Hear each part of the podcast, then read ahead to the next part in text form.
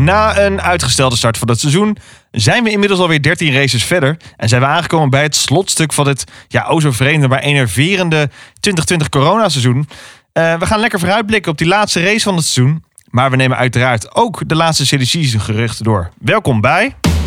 Green, green, green, green. We're four wide going into turn number one. Sorry, Lyondike wins the Indianapolis 500. His very truck just came up. And as Renus VK scores the win in the Cooper Tires Indy Lights Grand Prix. Dit is Green Green Green, de podcast. Met René Hoogterp, Jeroen Demmendaal en Frederik Middelhof. Ja, we zitten er weer klaar voor. Uh, mannen, het zijn een beetje de tussenweekjes in uh, dit o zo chaotische raceseizoen. Heel even niks te doen. Toch ook komt uh, ja, de winter komt alweer heel langzaam inzetten. De woonboulevards zijn weer open. wat zijn jullie zo al aan het doen in het weekend? Nou, um, ik, um, als er geen uh, live racing op tv is, dan uh, slinger ik vaak mijn YouTube alweer aan. En dan ga ik daar gewoon oude races op kijken. En jouw collectie momenteel? Um, nou, op dit moment ben ik het Formule 1 seizoen 1987 aan het terugkijken. En dat is wel echt oude, ouderwetse, stevige mannenwerk hoor. René? Ja, wat, wat ben ik nou eigenlijk de afgelopen weekenden? Ja, vooral veel werken. Dat is uh, eigenlijk niet de bedoeling. Uh, nou, zoals velen van jullie misschien wel weten, dat, dat ik mag ouwe hoeren over autosport. Dat is leuk, maar dat is niet mijn werk. En je zit nog steeds in de luiers. Nou, ik ben best wel druk geweest eigenlijk de afgelopen weekenden. Dus wat dat betreft, uh, ja, ik, zou bijna zeggen, ik, ben, ik heb eigenlijk wel zin in volgende aankomend weekend. Want dan is het misschien iets rustiger, is het alleen op zondagavond. Dus ik heb wel weer zin in. nou, je hoort het al, ik zit hier natuurlijk niet alleen. Ik zit samen met uh, Sport IndyCar commentator René Hoogterp en IndyCar encyclopedie, mogen we wel zeggen. En natuurlijk autosportschrijver Jeroen Demmerdel. Uh, met z'n drieën lekker even op veilige afstand, gezien de maatregelen die uh, weer even zijn afgekondigd. Maar ja, de techniek staat natuurlijk voor niks. Dus uh, we, ja, op deze wijze brengen we, nou, komen we toch weer tezamen. Einde seizoen alweer, mannen. We kunnen wel zeggen dat ja, de tijd vliegt toch wel behoorlijk. Onze twaalfde opname alweer. En nou, onofficieel bestaan we een jaar. Mag toch wel even gezegd worden, toch? Ja, dat is toch leuk, joh. Dat, uh, dat, dat, vind ik toch wel leuk. Ik zat, ik zat uh, van de week eens terug te kijken. Toen dacht ik, wanneer was dat eigenlijk? Dat wij onze eerste uh, WhatsApp-call hadden met z'n drieën. Dat we dit idee. Moet rond deze tijd geweest zijn, vorig jaar. Ja, en dat, was, en dat was dus eind oktober. Dus we bestaan onofficieel een jaar, inderdaad. En ja, het, is bij, het lijkt alsof de dag van gisteren dat dat, dat, dat was. Um, het is een beetje. Dat, René had natuurlijk meteen een idee voor een naam. nou, mijn vriendin die is grafisch designer. Dus die begon te werken aan een logo en dat te ontwerpen.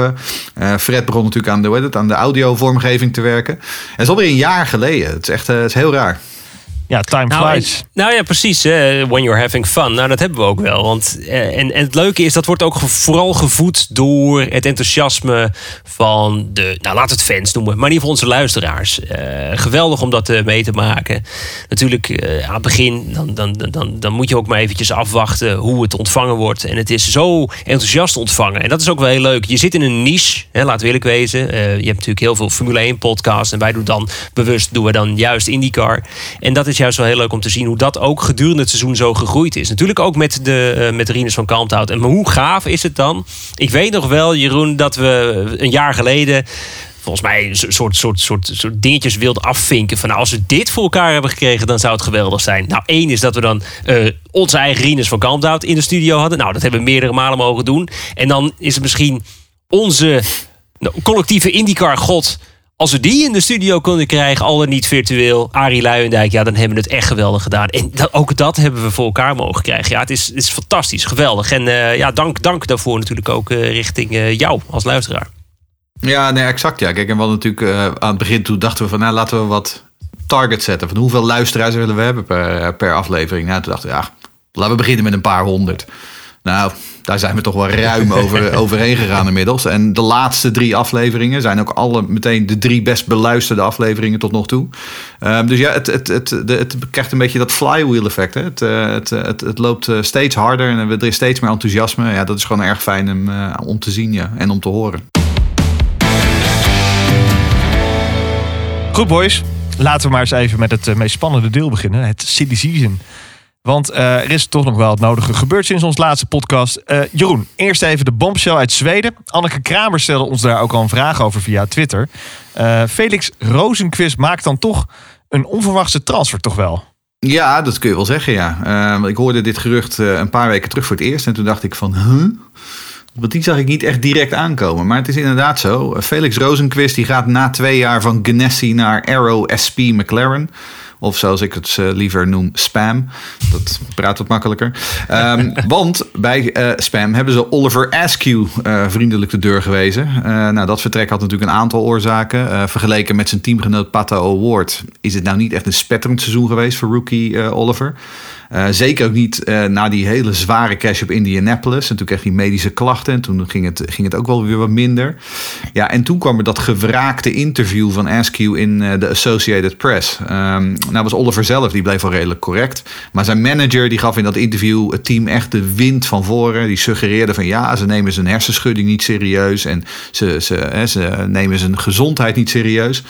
Nou ja, en we weten allemaal, als er nou één team is die het niet trekt om zo publiekelijk aan de schandpaal genageld te worden, dan is het wel het heel erg strak eh, eh, in de was zittende spam. Eh, vergeet ook niet dat ehm, hè, dit is hetzelfde team dat vorig jaar James Hinchcliffe ontsloeg, omdat hij eh, half nakend voor zijn auto ging liggen en toen was de hoofdsponsor boos. En vervolgens werd James Hinchcliffe ook ontslagen. Dus ja, wie, en wie betaalt, die bepaalt.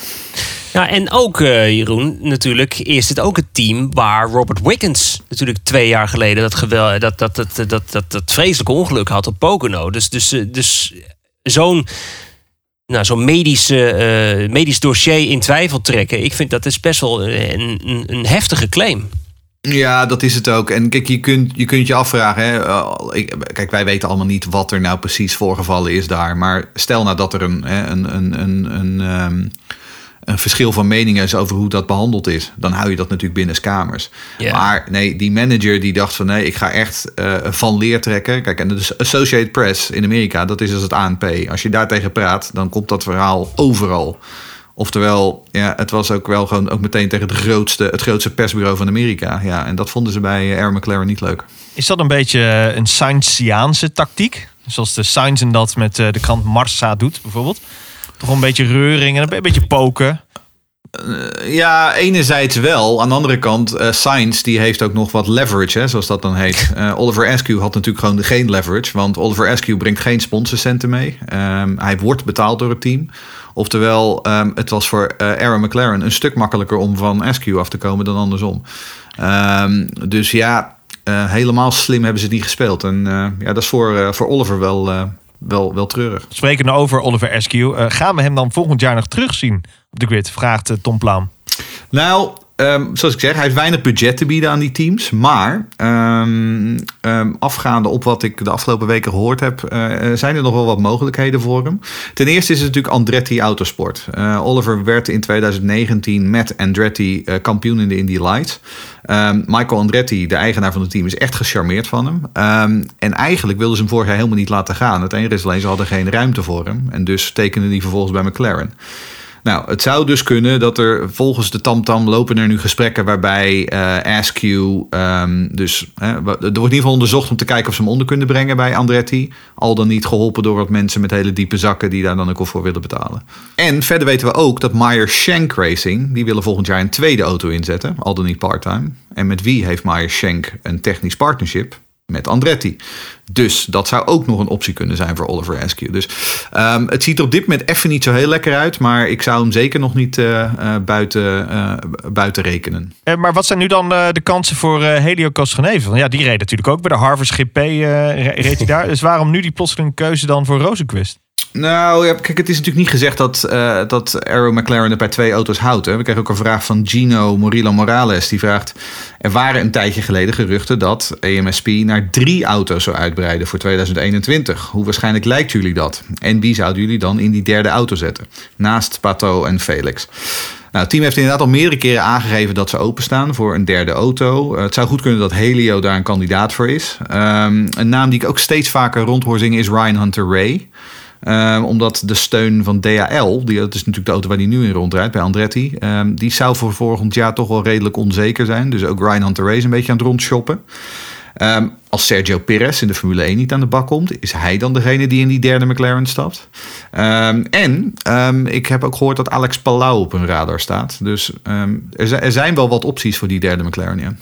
Maar goed, wie eh, neemt nu de plek over van Rosenquist bij Ganassi dan, eh, René? Ja, ik vind het wel leuk eh, dat het vooral de, de, de, transfer is dus dat Rozenquist eh, van Ganassi naar eh, McLaren gaat. Maar we hebben het vooral over het vertrek van Askew. Maar dat geeft ook wel aan dat we dat eigenlijk nou, misschien wel schokkender vinden dan die transfer van, van Rozenquist. Want even terugkomen toch nog op Askew. Het is toch wel eigenlijk wel, wel, wel schokkend dat, dat zo'n jongen die in de opstapklasses echt gewoon constant de lakens heeft uitgedeeld. Dat het zomaar zou kunnen zijn dat hij volgend jaar misschien niet aan de bak komt. En dat vind ik best wel een, eh, schokkende eh, conclusie. Maar goed, even terug naar eh Rozenquist. Ja, dat is natuurlijk de grote vraag. Wie kan er in dat stoeltje zitten? Rozenquist die moest de, ja, als het ware de kroonprins achter Dixon worden. De nieuwe kopman voor de toekomst. Want hoe goed Dixon is, ook al gaat hij door tot zijn zestigste... maar op zijn 61ste zal hij op een gegeven moment toch wel zeggen... nou, ik stop er eens een keertje mee. Wie kan er dan eens een keer komen? Ehm, Kijk, bij hij debuteerde heel sterk. Vorig jaar meteen de eerste race op St. Piet. eh, was hij meteen al, eh, kwam hij sterk voor de dag. Eh, kon, al op jacht naar zijn eerste overwinning in Mid-Ohio. Lukte niet. Nou, dit jaar dan uiteindelijk wel. Maar dat is het ook. Dat is het ook eigenlijk alleen maar geweest. En ik, ik, ik weet niet of die constant genoeg is. En ik, ik weet niet of er nu direct iemand zo zomaar beschikbaar is volgend jaar om bij Ganassi dat stoeltje in te vullen. We hoorden net al wat namen die bij McLaren misschien zouden in kunnen stromen. Ja, maar dat zou je eigenlijk, dat zijn dezelfde namen die je eigenlijk ook qua CV misschien wel bij Ganassi wil neerzetten. Maar ik vind het heel erg lastig. Nou, en het, heeft, het, heeft, het schijnt ook te, met geld te maken te hebben. Want NTT Data, dat kennen we, dat is natuurlijk de, de, de sponsor van de IndyCar Series. Ehm, maar het verhaal gaat dat NTT Data zijn steun aan Ganassi gaat verminderen of zelfs helemaal weg gaat halen. Eh, dat heeft dan weer te maken met het feit dat eh, de topman van NTT Data in Amerika, dat is eigenlijk de drijvende kracht achter die eh, instap in de IndyCar geweest. John McCain heet die, na, heet die man, en dan bedoel ik niet de Amerikaanse senator, maar een andere John McCain. Die is eerder dit jaar overleden en daarmee is ook de drijvende kracht achter die sponsordeal verdwenen bij NTT Data. Ehm, want ja, we hadden ook een andere vraag van Pieter Nut. Eh, die vraagt hoe zeker is Marcus Eriksson van zijn stoeltje bij Ganassi. Ehm, nou, en Marcus Eriksson heeft natuurlijk Husky Chocolate, het, eh, het Zweedse chocolademelkbedrijf, achter zich.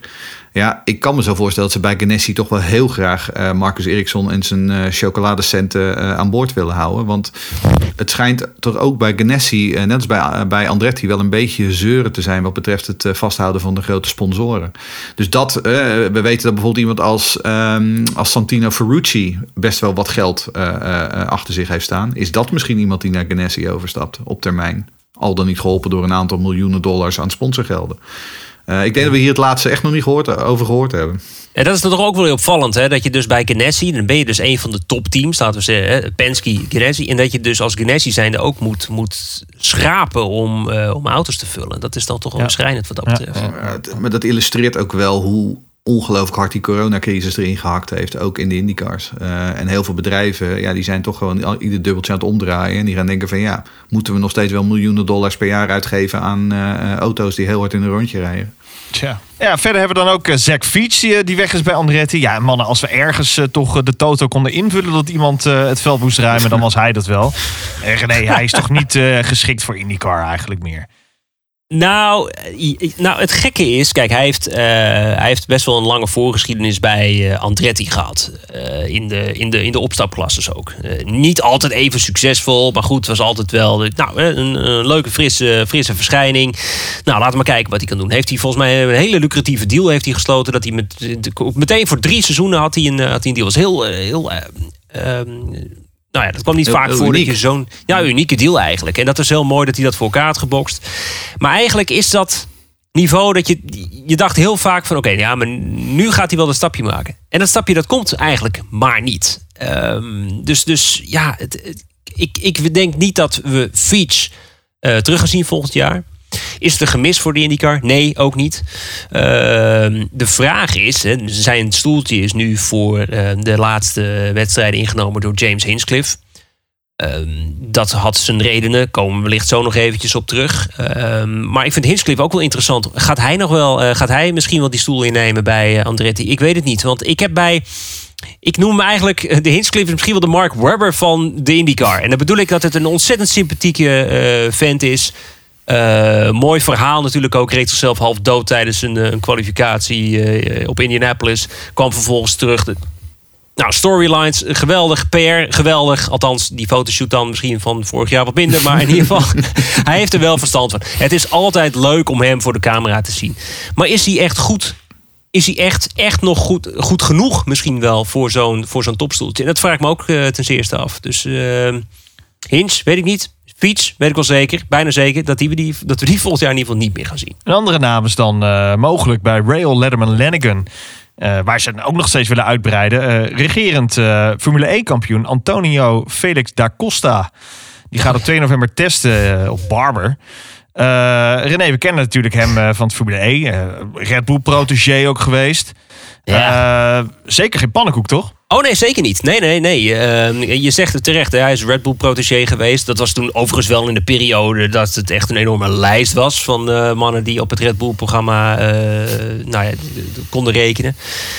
Ik ken hem zelf. dus Kennen, kennen. Ik mocht ooit de Formule Renault 3.5 doen. Geweldige klasse was het trouwens. Daar deed hij het ook redelijk sterk. Was toen ook een heel sterk deelnemersveld. En natuurlijk Formule E, waar hij nu regerend kampioen is. Ehm, hè, Bobby Rail, je zei het al, eh, Frederik, heeft al eerder gezegd dat hij heel graag een derde auto wil inzetten. Maar alleen als het, eh, het ons beter maakt. Hè. Die derde auto mag niet ten koste gaan van die twee andere auto's. Maar ik vind het wel, ik vind het wel echt een IndyCar mannetje. Als ik hem zo zie, hij was afgelopen vrijdag was hij volgens mij het Formule 1 café. Ik heb een heel klein snippet van gezien op de socials. Ja, en dan denk ik wel, ja, hij heeft wel de uitstraling van een IndyCar rijder, vind ik. Eh, ik denk dat het een hele, hele mooie toevoeging zou zijn. Zeker. Ja, top. Ehm, uiteraard eh, moeten we het natuurlijk ook nog hebben over onze held uh, Rinus Vierke. Ja, ja, we zitten pas 17 minuten in deze podcast en eh, zijn naam valt nu pas. Ik denk dat dat echt een unicum is. Volop vragen gekregen, mannen. Nick van Ruiven vraagt bijvoorbeeld via Twitter... Wat gaat Rinus nou doen? Bij ICR blijven of toch als een horizon verbreden? En Guido Piquet eh, schrijft daarop volgend... eh, Rin- Rinus en Chip Ganassi, nou, hij ziet het wel heel erg eh, veel voorbij komen. Zelf hadden jullie hem liever nog bij Nonkel Ed. Jeroen, jij als onze eigen Woodward en Bernstein in één. wat heb jij nog gehoord tijdens jouw deep throat-achtige gesprekken... in tochtige parkeergarages met IndyCar insiders? Eh, ja, nou, inderdaad. da- daar breng ik inderdaad mijn, eh, mijn dagen in rond. In eh, tochtige parkeergarages. inderdaad. Ehm, nee, kijk, wanneer het precies aangekondigd wordt, is nog onduidelijk. Het zal waarschijnlijk wel na St. Piet worden. Dat is met, met wel een aantal andere verhalen is dat ook zo. Want ja, contracten, hè, dat zijn complex. En dat duurt een beetje, dat duurt altijd even. En dan hebben ze liever eerst het hele seizoen voorbij voordat ze dat soort dingen gaan aankondigen. Maar alles duidt er op dit moment op dat Rinus gewoon bij gaat tekenen bij Ed Carpenter Racing. Ehm, want Ed Carpenter wil hem absoluut kosten wat kost houden. Ehm, dat zal waarschijnlijk dan ook wel in de voorwaarden van dat nieuwe contract binnen, terugkomen. Je hoeft iets minder geld mee te nemen. Je krijgt wat meer geld eh, toegeschoven voor je diensten, dat soort dingen. Er gaan inderdaad volop verhalen dat Ganassi interesse heeft. Ehm, maar om eerlijk te zijn, dan mogen ze een nummertje trekken. Want eh, er is op dit moment geen enkel team in de paddock dat geen interesse heeft in Renus VK. Eh, en dat is ook helemaal niet zo gek. Want eh, Renus is natuurlijk gewoon Rookie of the Year. Daar gaan we het straks ook nog wel over hebben. Maar hij is gewoon Rookie of the Year hoor. Ehm, en de grote vraag is natuurlijk, moet je nu al die overstap maken? Eh, want wat ook een vraag van Wouter Nagel, die schrijft... zou het voor Rocket Renus niet goed of beter zijn... om volgend seizoen al meteen de overstap te maken... naar een topteam als Ganassi of Andretti? Zou hij niet het risico lopen dat als dat op de korte termijn niet lukt... dat het dan nooit lukt? Eh, nou, Wouter die heeft misschien niet zo heel veel vertrouwen... in de kunsten van Renus. Eh, ik wel. maar goed, heel serieus. Kijk, 2020 was een heel raar half debuutseizoen. Hè. We hebben een heleboel races die gewoon gecanceld zijn. Oftewel, volgend jaar krijgt hij gewoon nog eens een half dozijn circuits voor ze kiezen... die hij niet of nauwelijks kent in een IndyCar. Ehm, ik denk echt dat het een goede optie voor hem is om nog een jaar zonder al te veel druk en als de absolute kopman van ECR gewoon meer ervaring op te doen. En als je gewoon de stijgende lijn doorzet die hij nu inzet, dan maakt hij nog meer indruk. En dan heb je dus hè, eind 2021, dan heb je de teams echt voor het uitkiezen en tegen veel betere voorwaarden dan nu. Ja, en als die kans dan komt, dan zie ik hem persoonlijk het liefst bij Ganassi of bij Penske terechtkomen. Eh, liever daar dan bij Andretti. Ehm, want laten we wel wezen, bij Andretti, hè, dan heb je Colton Hurta. Dat is het zoontje van een van de deeleigenaren, Brian Hurta. Dan heb je Marco Andretti, dat is ook het zoontje van een van de deeleigenaren. Dan heb je Alexander Rossi, een, hè, dat is het oogappeltje van Honda in Amerika. Dus dan ben je opeens nummertje 4 in die pickorde. Nou, dat moet je volgens mij als Rinus zijn, dan moet je dat niet willen. Maar bij Ganassi, dan kun je natuurlijk gewoon nog een jaar of twee jaar naast de grote Scott Dixon eh, rijden. Kun je de kneepjes van het vak leren en daarna kun je de kar overnemen. Prima leermeester, denk ik zo inderdaad, ja. Ja, toch? Eh, kijk, en bij Penske zit je ook altijd goed. Het enige daar is natuurlijk dat Joseph Newgarden... die gaat de komende tien jaar wat mij betreft nergens naartoe. Dus dan, moet je, eh, dan heb je Joseph Newgarden als interne rivaal. Maar Ganassi of Penske, dat zou denk ik per 2022... dat moet volgens mij het doel zijn voor, uh, voor Rinus. Tot slot dan uh, nog een zeer andere belangrijke silly vraag van uh, Sam Belt kwam er binnen. Gaat René Hoogterp volgend jaar IndyCar seizoen weer van deskundig oh, ja. commentaar voorzien. en daarbij gaat Siggo, deze vraag kregen we van Remco van Elder. Gaat Siggo volgend jaar IndyCar op het open kanaal uitzenden? René, zeg het maar. Uh, nou, het, het, het, het, het aardige is, ik krijg vrij laat te, te horen of, uh, of de uitzendrechten uh, bemachtigd zijn. En ik moet zeggen, de afgelopen jaren was het ook echt, echt vrij laat. Dan weet je dat pas per, per januari of zo was het volgens mij. Dus het is echt nu nog veel te vroeg. Laten we niet vergeten, het is ook nog maar oktober. En pas ergens in maart gaan we beginnen. Daar gaan we het zo dadelijk ook over hebben. Dus we hebben echt nog wel eventjes. Het is echt niet zo dat er al ver van tevoren eh, contracten getekend zijn. En volgens mij gaat het ook elke keer maar per jaar. Dus ik heb, weet het eerlijk gezegd nog niet. Uh, als het aan mij persoonlijk ligt, doe ik natuurlijk wel heel graag. Maar goed, ik heb het ook niet helemaal voor te zeggen. Voor hetzelfde geld zegt Ziggo van nou, dat doen we eventjes niet. of we doen geen IndyCar. Zou ik kan ik me niet voorstellen, want volgens mij heeft Ziggo bijna alles wel qua autosport. En dan, uh, zeker nu met de Nederlander, uh, is het goed dat het uitgezonden wordt. Ik heb altijd een beetje een... Uh, kijk, wij breken natuurlijk voor onze eigen parochie. Dus wij kunnen natuurlijk wel zeggen van... ja, ze moeten het op het open kanaal gooien. Maar ik snap ook heel goed... Nee, laat ik het anders zeggen.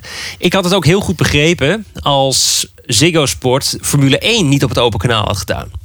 Natuurlijk eh, marketing technisch en commercieel is natuurlijk geweldig om mensen naar het Ziggo Sport Totaal pakket te duwen. Want wat, heeft nu de, wat is nu de meerwaarde voor het Ziggo Sport Totaal pakket? Uh, en dan ga ik wel weer preken voor eigen parochie. Zou ik niet erg vinden als Formule 1 naar Ziggo Sport Totaal gaat. En dus IndyCar er ook is. En dan hebben we potentieel veel meer kijkers. Die, uh, aangezien IndyCar niet altijd op het open kanaal is. Heb je potentieel veel meer kijkers als veel meer mensen het Ziggo Sport Totaal uh, pakket nemen. Maar goed, dat, dat terzijde. Dus, maar ja, laten we het hopen. Als Rinus het, goed blijft doen. Dan zou het mooi zijn als Ziggo Sport het wat meer in het open kanaal gooit. Maar meer weet ik dus niet. Dan calendar-wise 2021 is bekend geworden. Uh, nou ja, we hadden het al natuurlijk even over ervaring opdoen voor Rinus. Nou, dit zijn natuurlijk wel de banen waar hij nog uh, ervaring moet opdoen. Die er nu ook bij staan.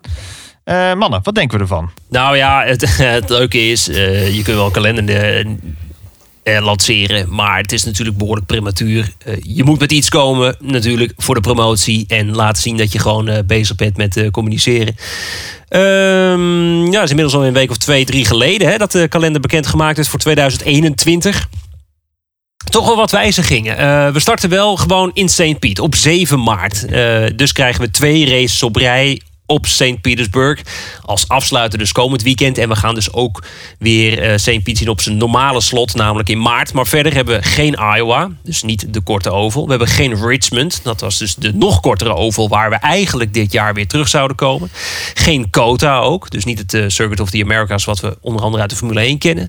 Maar we krijgen wel een doubleheader op de supersnelle oval van Texas. Maar nu dus voor de Indy 500. Dat was het dit jaar natuurlijk ook, maar normaliter is het na de Indy 500.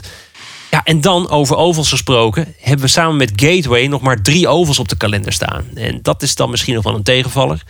Ehm, daarnaast gaan we ook nog een uh, doubleheader krijgen op IMS. Dat is weer een, een dubbel weekend met NASCAR. En daarnaast hebben we de toevoeging van de stratenbaan in Nashville. En dat wordt toch wel echt een partij vette baan. Hoop ik althans, als ik al uh, visuals heb uh, gezien. We gaan tot twee keer toe over een flinke... ja, ik zeg, ik, ik, mag niet eens een brug noemen. Het is ongelooflijk en heel erg snel. En dat, dat wordt heel erg interessant, Jeroen. Ja, nou die, uh, die, uh, je moet even op mijn Twitter-kanaal kijken. Uh, er is iemand die ik volg die um, het, het oude videogame IndyCar Racing ja. 2, de klassieke die, die, kennen het nog wel. De, de, wat oudere luisteraars. Dat speelden wij midden jaren 90 allemaal op onze Pentium 365. Um, en um, daar is dus iemand die heeft de baan Nashville in IndyCar Racing 2 gebouwd. dus als je een Super beetje vet. een idee wil krijgen, zeg maar, wat voor baan dat wordt. nou, kijk even op mijn Twitter account, want daar uh, staat dat filmpje. Dat heb ik, uh, heb ik gedeeld vanochtend. Um, en dat was wel er, heel erg gaaf, ja. En, die, en het, wordt, het is ook wel echt een brug ook. Het is echt een, een, een beste ja. brug. Want dat wordt ook nog wel een uitdaging van... Hoe gaan ze dat zeg maar ook veilig maken? Want ze moeten dus ook met, met hekken gaan werken die uh, extra hoog zijn. En Het, het wordt nog best wel een uitdaging om dat ding eh, eh, echt gewoon veilig te krijgen, die baan. Nou, want hè, ik zeg dus een brug, maar dan is het dus niet zo'n zo'n pestbruggetje wat we op eh, Valencia, dat stratencircuit wel zagen in de Formule 1. Nee, het is zeg maar eh, categorie Erasmusbrug en dan Ja, nog ja. twee keer zo groot. Zo, zo groot is het. Dus dat is wel heel erg gaaf om te zien. En dus hebben we 17 races op de, kalender, de voorlopige kalender van 2021 staan. Maar goed, met alles wat er op dit moment en ook nog gewoon volgend jaar zeer waarschijnlijk nog eh, speelt, denk ik dat dit niet de laatste versie van de kalender wordt. Maar het is voor Rinus wel lekker, hè? Zo'n extra stratencircuit. Rinus eh, was in de Road to Indy altijd goed op stratenbanen. Nou, dit jaar heeft hij er eigenlijk ehm, maar één, namelijk St. Pete, komend weekend. Maar volgend jaar komt Long Beach, als het goed is, weer terug. Komt eh, de doubleheader in Detroit, als het goed is, weer terug. Komt Toronto, als het goed is, weer terug. En nu dan dus ook Nashville. Ja, dat is voor, eh, dat is voor Rinus wel goed. Ehm, en natuurlijk volgend jaar, als het mee zit, krijgt hij ook Portland en eh, Laguna Seca weer. Hoor. en Barber. Ehm, maar dat, dat zeg ik. Dat, er zijn dus nog een heleboel banen waar Rinus eigenlijk op een, eh, in een IndyCar nog nooit gereden heeft. Nou goed, eh, Nashville wordt in ieder geval Waiting Jennings en Steak and Beer. Dus wat dat betreft komt het wel weer goed. Nou, die kalender die wachten we dan nog even af. Maar ja, meer positief in het nieuws is natuurlijk wel te melden voorafgaand aan de Harvest Grand Prix. Wat betreft motorenmannen. Ja, want eh, als je IndyCars wil rijden, dan heb je een motor nodig. Eh, en het is op zich wel handig dat eh, zowel Honda als Chevy... Wij zijn wel echte kenners, hè Jeroen? We zijn Wij zijn echte hè? kenners, ja. ja. Het schijnt dat hij met zijn auto, als je gas geeft, dan heb je een motor nodig. Ja. Ehm, en zowel Honda als Chevrolet die hebben zich eh, ehm, voor meerdere jaren weer vastgelegd in de IndyCar. Ehm, tot, eh, er wordt gezegd tot ver in het decennium. Dat, dat was dus de officiële persaankondiging. Eh, in de wandelgang heb ik gehoord dat het zelfs tot 2030 is. Oftewel, gewoon voor het komende decennium liggen we gewoon vast. En dan vanaf 2023 komt er dus een nieuwe 2,4 liter twin turbo V6 met een hybride component. Nou, en dat is vooral iets. eh, bij Honda wilden ze dat graag wat sneller doen. En bij eh, eh, Chevy wilden ze dat graag wat langzamer doen qua tijdspannen. En uiteindelijk hebben ze elkaar ergens in het midden gevonden. En dus krijgen we ze vanaf, 2000, vanaf 2023. En dat is voor de stabiliteit van IndyCar natuurlijk wel gewoon heel goed. Ehm, aan de andere kant is het wel zo. We hebben toch wel gewoon, als we verder willen groeien, als we meer auto's op de grid willen hebben, dan hebben we een derde eh, fabrikant nodig. Nou, er gaan nog steeds eh, eh, verhalen dat Ferrari toch echt wel interesse heeft. Ik heb ook zelfs de naam van Hyundai Kia rond horen zingen inmiddels. Ehm, maar heel concreet is het allemaal nog niet. Dus het zou zomaar kunnen dat we vanaf 2023 nog steeds met die twee Honda's en Chevy's aan de, aan de start verschijnen. Maar goed, we hebben in ieder geval motoren voor het komende decennium. Dat is al heel wat. Wel vreemd dat eh, Honda dan in de Formule 1 eh, vanwege eh, wat ze zeggen, een globale nou, visie geënt is op elektrificatie van hun automobiel, van de automobielindustrie. Ze in Amerika dus nog wel kiezen voor deze vorm van motoren. Ja, maar dat komt ook omdat natuurlijk het programma in IndyCar wordt gerund door Honda Performance Development in Amerika. Het is, eh want, Andere want het Formule 1 programma wordt, wordt inderdaad wordt eh, gefinancierd en ontwikkeld vanuit Japan, vanuit het hoofdkantoor. Terwijl HPD, ehm, dat is puur en alleen Amerikaanse motorsport. Honda wordt ook daar ook echt gebruikt als een marketing, eh, ehm, als een marketing tool voor de Amerikaanse markt. En laten we wel wezen, de gemiddelde Amerikaanse eh, autokoper, die wil nog niet aan elektrisch, die wil nog niet eens aan hybrid. Nee, die wil gewoon lekker dikke benzinemotoren. Dus voor hun in Amerika maakt dit nog wel sens. Daarnaast, de investering vergeleken met die Formule 1 motoren is natuurlijk echt een fractie. Hoi, dit is CK en volg Indie Podcast NL op Twitter. Dan komend weekend de 14e ronde van het seizoen. Het slotstuk, het pièce de résistance. Daar waar we het vreemde seizoen van 2020 gaan afsluiten. Ja, dat voelt toch wel een beetje, ja... Ik vind het een beetje als een scheet voorbij gaan dit seizoen. Ja, ik wil het zeggen. Ja, ik kan me nog heel goed eh, herinneren dat we inderdaad met z'n allen zaten te wachten. Ja, nu gaat St. Piet beginnen. En toen eh, begon het niet. Of nou ja, de USF 2000 begon op vrijdagochtend. En daarna was het klaar. Ehm, en vervolgens moesten we maandenlang niks doen. En toen kwam toch Texas uiteindelijk wel op eh, 6 juni uit, uit mijn hoofd, denk ik.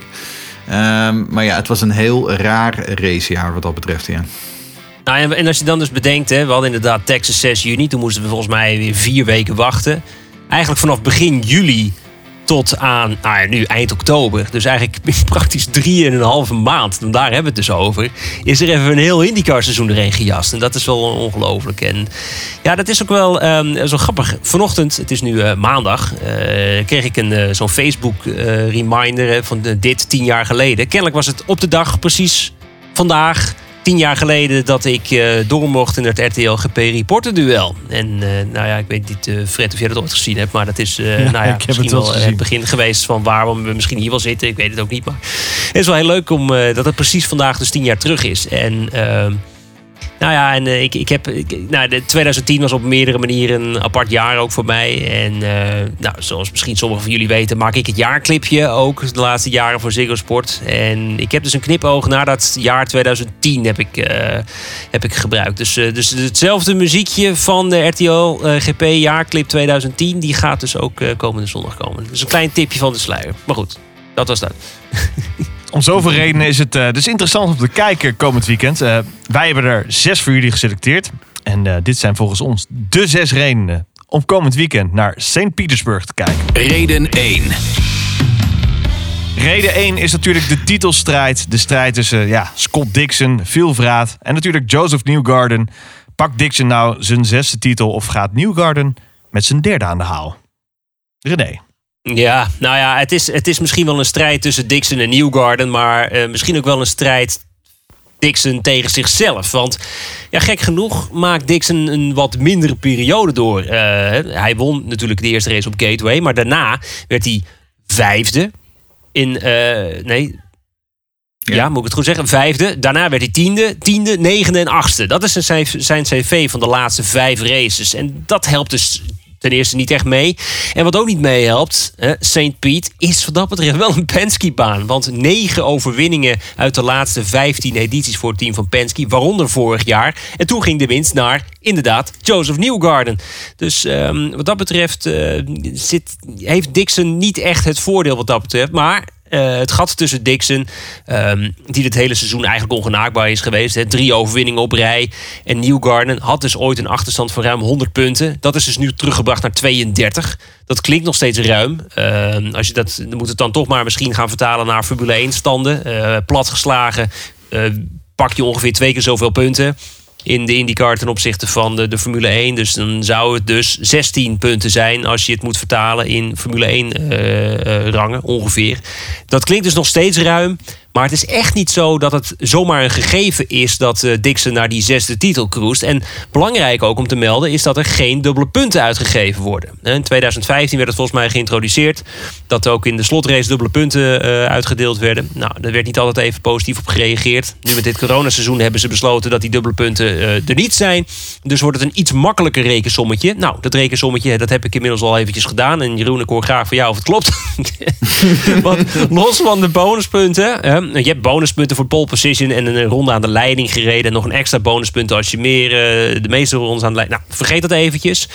Ehm, als Newgarden wint, dan moet Dixon twaalfde worden. Ja, nu kun je denken, eh, Dixon twaalfde worden. Dat, dat, dat moet hem toch wel lukken. Maar ehm, veel vraag, je noemde al Frederik. Hij heeft nog nooit hier in St. Piet gewonnen. Sterker nog, is slechts één keer van de afgelopen zeven races in St. Piet op het podium gekomen. Maar goed, ook al word je niet, eh, sta je niet op het podium, word je vierde, vijfde, is dat alsnog genoeg. Zou het genoeg moeten zijn voor de titel. Maar ja, dan komen we wel bij reden 2 aan waarom we dit weekend moeten kijken. Reden 2. Ja, want dit is namelijk de eerste en daarmee ook meteen de enige stratenrace van dit seizoen. En zoals we allemaal weten, op de straten kan het er wild aan toe gaan en is niks zeker. Ehm, bijna niks gaat volgens het script. Eh, Sebastian Bourdais won hier ooit vanaf de allerlaatste startplek. Eh, dat lukt je meestal op Mid-Ohio niet. Ehm, er zijn gewoon meer onzekerheden op een baan als St. Piet. Ehm, nou, we hadden het net al een beetje over. Eigenlijk hadden we in maart hadden we hier al deze wedstrijd moeten zien. Hetzelfde weekend waarin toen natuurlijk de Formule 1 zou starten in Melbourne. Nou, dat ging allemaal niet door. Ehm, Nou, ja, dus als je, als je denkt van, ja, maar ik wil die preview nog wel een keer horen, moet je even teruggaan naar aflevering 4 van Green Green Green, want wij hebben al een keer een preview opgenomen. Ehm, alleen toen was het helemaal aan het begin van het seizoen. Eh, en nu is het natuurlijk toch, hè, het meeste weten we al wel. Maar goed, St. Petersburg, ehm, dat ligt dus in Florida en niet zoals de Zweedse televisie het een paar jaar ehm, eh, aan, geleden aankondigde voor hun allereerste IndyCar-uitzending in Rusland. Want dat was toen zo. De IndyCars vanuit St. Petersburg in Russia stond er toen op, de, op het programmablad. Ehm, ligt dus- de westkust van, ehm, van Florida. Vlakbij Tampa ook. ehm, en dus richting eh, de Golf van Mexico. St. Petersburg heeft ongeveer 300.000 inwoners. Bijna nooit regen. Eh, vier dagen regen per jaar. Dat is het gemiddelde volgens de officiële cijfers. Dus je, je mag een regendansje doen als je hier naar luistert en je denkt ik wil een regenrace. Maar ik zou er niet op rekenen. Eh, behalve zelfs in 2008. Want in 2008 toen kwam er zo'n ontzettend eh, bak water uit de hemel dat die hele race moest worden ingekort. Ehm, nou, dit is dan dus een baan die ze dan dus in een paar weken opbouwen. Nou weet ik wel dat ze eh, in maart, toen hebben ze de hele baan opgebouwd. En toen moesten ze hem weer afbouwen. Maar toen hebben ze ook bepaalde delen gewoon laten staan. Dus wat dat betreft hadden ze deze nu eh, in aanloop naar deze race al wat minder tijd nodig. Ehm, en dit ehm, is dus een baan van slechts 2,9 kilometer. eh, half op een, lucht, eh, op een luchthaven. Nou ja, luchthaven. Klein vliegveldje waar eh, af en toe een Cessnaatje landt. Meer is het niet. Ehm, en dus rijden we 100 rondes. Dat zijn er wel heel veel. maar dat zijn er ook 10 minder dan in de afgelopen jaren. Ehm, en ondanks dat dit een stratenbaan is... is er pas twee keer vanaf pole position gewonnen. In de 16 keer dat we hier gestart zijn. En dan zijn we dus, is het cirkeltje dus weer rond. Dat komt dus door die onvoorspelbaarheid. Want een safety car, nou, daar kun je bijna wel gewoon eh, eh, eh, een eurotje of 100 op inzetten. Want die krijgen we wel hoor. En Will Power toch ook? Eh, Will Power, die heeft hier geloof ik 38 keer op pole position gestaan. Ja. Die, die is wel heel erg sterk hier. Ehm, en vorig jaar natuurlijk Newgarden inderdaad. Ehm, dus ja, kijk, de, de kansen dat een Penske hier gaat winnen, die zijn wel vrij groot, ja. Reden 3. De strijd om de titel, nou, die mogen duidelijk zijn. Eh, maar daarachter staat het eh, nog lekker dicht bij elkaar. Ja, ehm, kijk, je, hebt natuurlijk een soort eh, een, een- subtop heb je dan. Ehm, want als we kijken naar de stand in het kampioenschap tussen Simon Pagenaud, plaats 8, en Marcus Eriksen op plaats 15, daar zit dan weer slechts 37 punten tussen. En ja, wie zijn dan enkele van die hoofdrolspelers? Nou, laten we beginnen met die Simon Pagenaud. We hebben het er vaker over gehad. ehm, maar eigenlijk is het wel een beetje. Nee, niet een beetje. Het is gewoon Penske onwaardig dat je achtste staat in de titelstrijd. Hè? Je bent voormalig kampioen. Je bent winnaar van de Indy 500 van vorig jaar. Maar dan moeten we niet vergeten. Pagenaud was lange tijd de nummer 2 in het kampioenschap achter Dixon. Hij was lange tijd de achtervolger. Maar als je dan gewoon de resultaten bekijkt vanaf de Indy 500 van dit jaar gaat het werkelijk voor een meter voor de Fransman. Twee magere top 10 finishes in die zeven races die we daarna gehad hebben. Twee, twee top 10 finishes, daar hebben we het dus over. Dat is dus eh, niet best voor een Penske-rijder. Eh, over Alexander Rossi. Eh, hij staat negen in het kampioenschap. Daar hebben we het ook al vaker over gehad. Het niet-seizoen van Andretti. Maar sinds onze laatste podcast hebben zij op een of andere manier wind meegekregen. Rossi, vier podiumfinishes op rij. Eh, zoekt nog naar zijn eerste winst van het seizoen. Nou, waarom dan niet aankomend weekend in St. Piet? Was er in 2018 heel dichtbij. Toen was er een mm pas de deux met eh, Robert Wickens.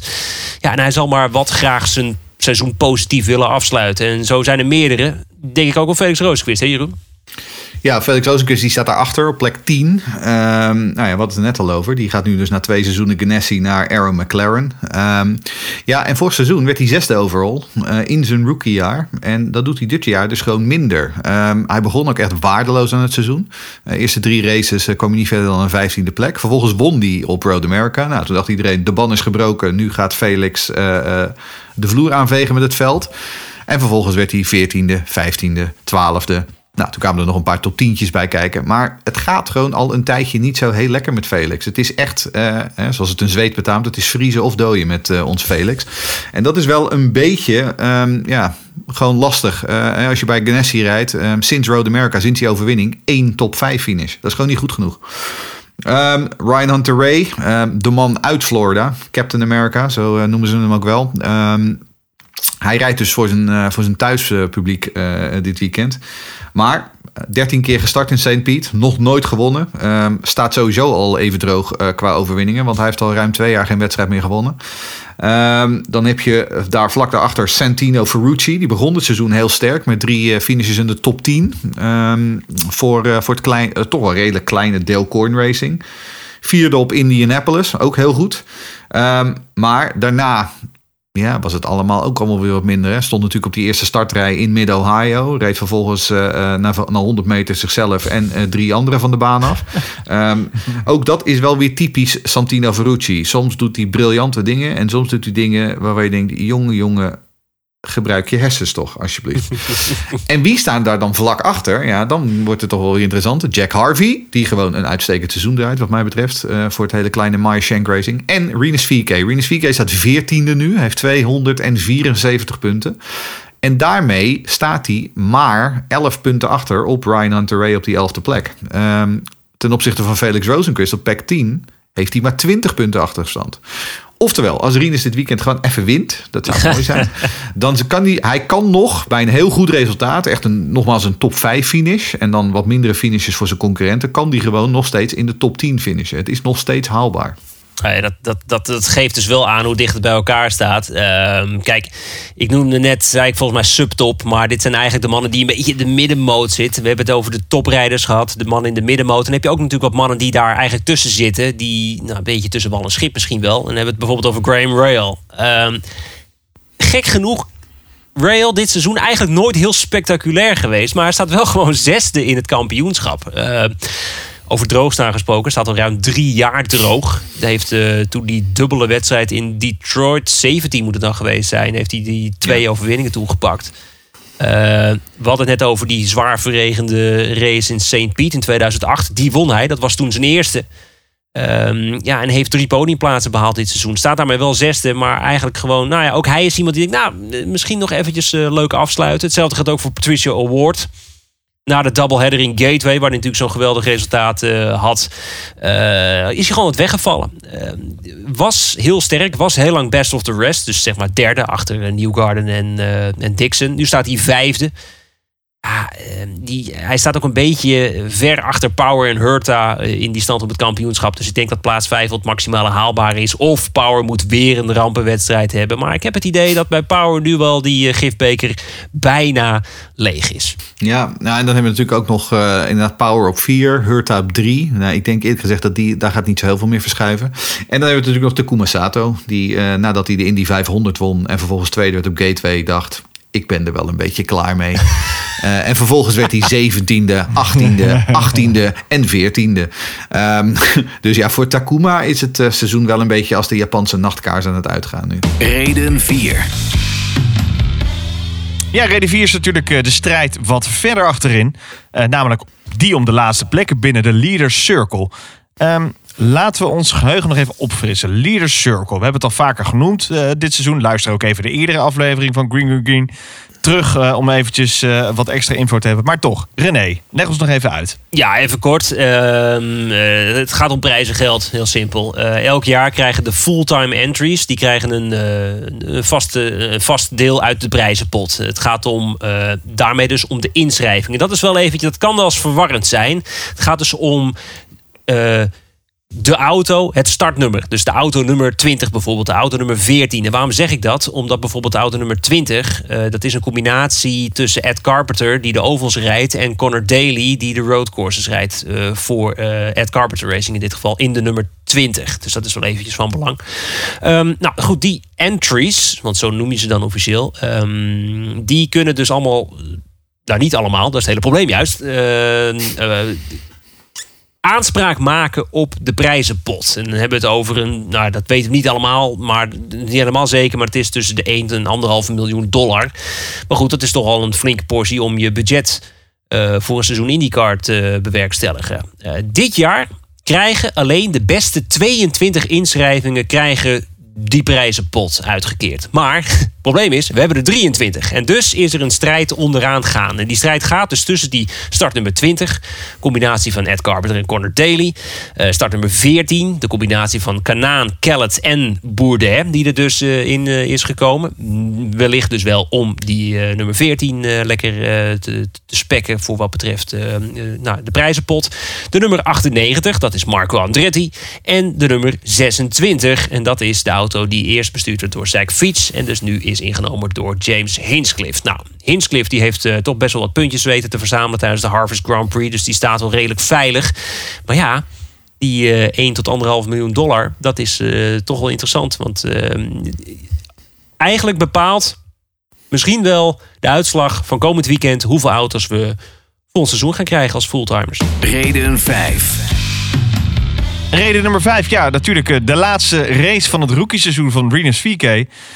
Ja, natuurlijk als kroon zeer waarschijnlijk eh, gaat hij eh, de titel Rookie of the Year... Ja, die gaat hij toch wel mee naar huis nemen, mannen. Ja, Jeroen? ik kan het zeggen. Ja, dat zeer waarschijnlijk kunnen we er wel uitlaten. Ehm, want Rinus heeft namelijk ehm, exact zoveel punten eh, voorsprong no- die, die hij nodig heeft. Namelijk 54. En dat is ook het maximale aantal punten dat er in een weekend zit.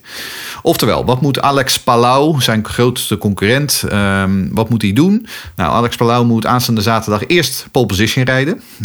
Doet hij dat niet, dan is op dat moment het al klaar. Want dan krijgt hij namelijk niet het bonuspunt voor de pole position. Dan kan hij dus nog maar 53 punten halen. En dan is hij al klaar. Oftewel, als Alex Palau op zaterdag geen pole position rijdt, is rookie, eh, is VK officieel Rookie of the Year. Ehm, zo simpel is het eigenlijk.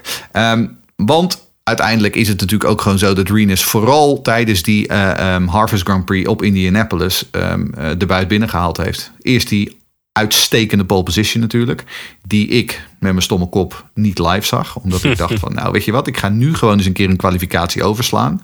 En uitgerekend was dat de kwalificatie waarin Renus VK zijn eerste pole position behaalde. Ehm, en natuurlijk die eerste podiumplek. Ehm, wat ehm, de eerste, het eerste podium voor een Nederlander is in 13 jaar tijd. En wie was dat destijds? Kom er maar in, René. Bobby D. Bobby D. in San Jose in 2007. Die won die zelfs. Ehm, en die pole position, dat was de eerste in ruim 20 jaar tijd voor een Nederlander. Want de laatste die dat voor elkaar kreeg was Arie Luijendijk op Indianapolis in 1999. Ehm, maar Rinus, zoals we eerder al zeiden, eh, hij kan dus nog, als hij echt heel goed presteert in, in eh, St. Pete, kan hij nog de top 10 halen. Ehm, dit is wel een baan die hem goed ligt. Hij heeft hier in de Road to Indy het altijd erg goed gedaan. Eh, won hier de tweede race in de Indy Lights vorig jaar. Ehm, en ja, ehm, wat ik zeg, eh, uiteindelijk kan hij gewoon heel vrij rijden. Eh, eh, de Rookie of the Year titel is in de pocket. Hij kan eh, ehm, gewoon lekker gaan genieten van die heerlijke Haakse 90 graden bochten waar hij zo dol op is. Ehm, dus ja, ehm, hou hem in de gaten. Want eh, een, een, een, een Renus VK die gewoon vrij van geest is, nou, berg je maar. Reden 6. Tja, natuurlijk eh, reden nummer 6. De interessante debutant eh, die we komend weekend gaan zien. eh, Scott McLaughlin. Ronald Plas wil het hier natuurlijk ook over hebben. Hij schreef via Twitter... Scott McLaughlin, nu al Supercars legende materiaal. Ja, ja supercars legende. Nou, volgens mij zijn in het verleden nog wel andere echt grote eh, mannen geweest eh, binnen de V8 supercars. Maar goed, McLaughlin, eh, eerlijk gezegd, hij hoort daar eigenlijk misschien nu, begint er nu bij te komen. Hele interessante naam. Komt dus uit in de Australian supercars, zoals het nu officieel heet. Nou, ik ken het eigenlijk nog als de V8 supercars. 27 jaar jong uit Nieuw-Zeeland. Afgelopen weekend pakte hij zijn derde titel in die raceklasse. Maar belangrijk, en dat is misschien wel iets wat niet heel veel mensen misschien weten. Hij komt uit de Penske-stal. En daardoor komt het dus zo mooi samen. Hij gaat dus in eh, St. Petersburg zijn debuut maken voor eh, Penske. Zou dat eigenlijk doen tijdens de Grand Prix van Indianapolis. Nog voordat we corona hadden. Eh, en daardoor werd dus uiteindelijk alles wel anders. Maar nu gaat het dan toch gebeuren. Ja, ik zei het al. Hij komt dus uit de V8 Supercars, Australian Supercars. In ieder geval een auto met een dak erop. Niet zo heel veel single-seater ervaring. Maar dat hield hem niet tegen, want hij was erg indrukwekkend in de pre-season test op eh, Sebring. Dus ik ben eigenlijk wel heel benieuwd wat hij, wat hij kan doen.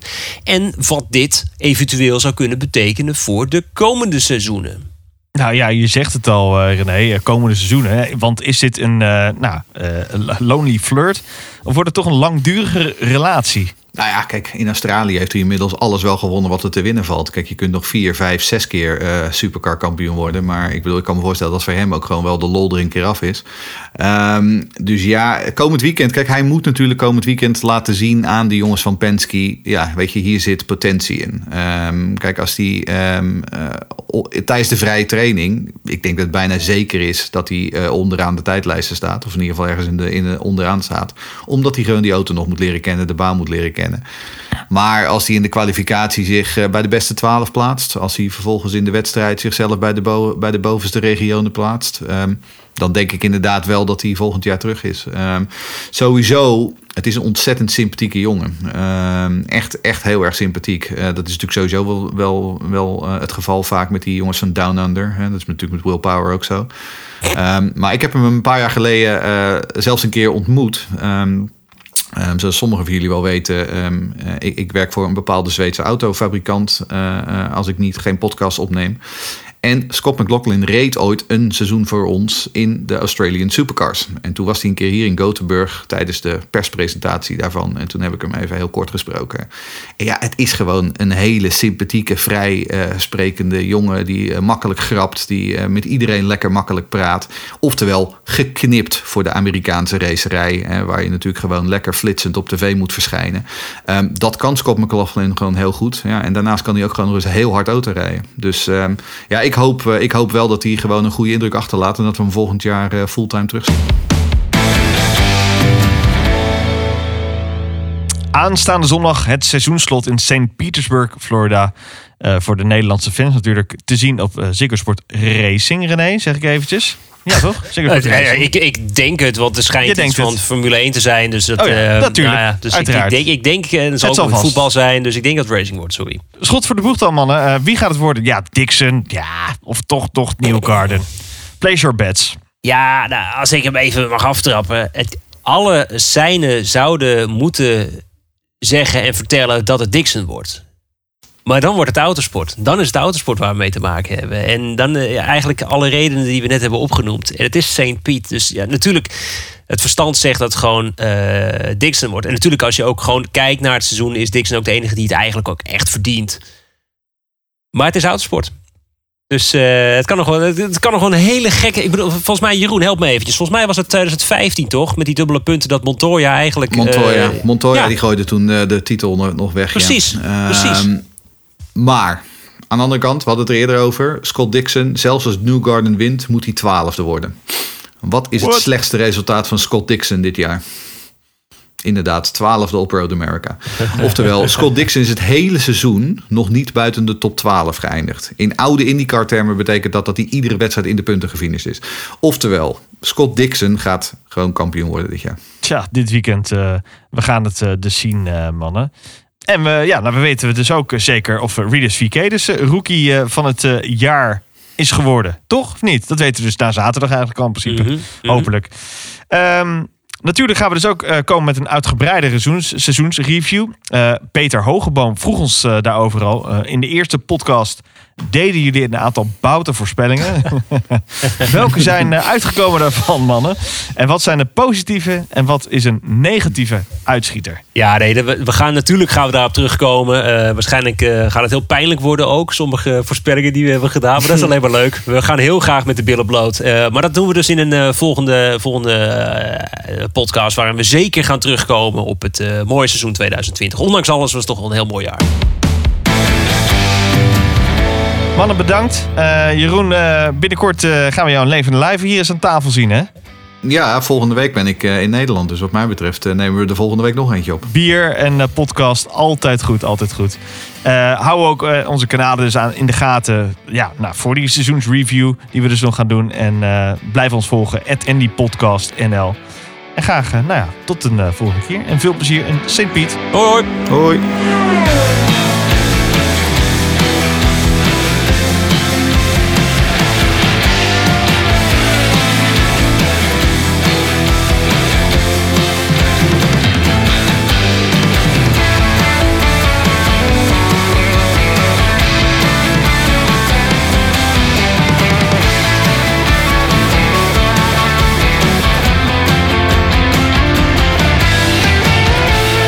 Volg al het laatste IndyCar nieuws van Green Green Green op Twitter via @indypodcastnl en abonneer je op Green Green Green via je favoriete podcastplatform.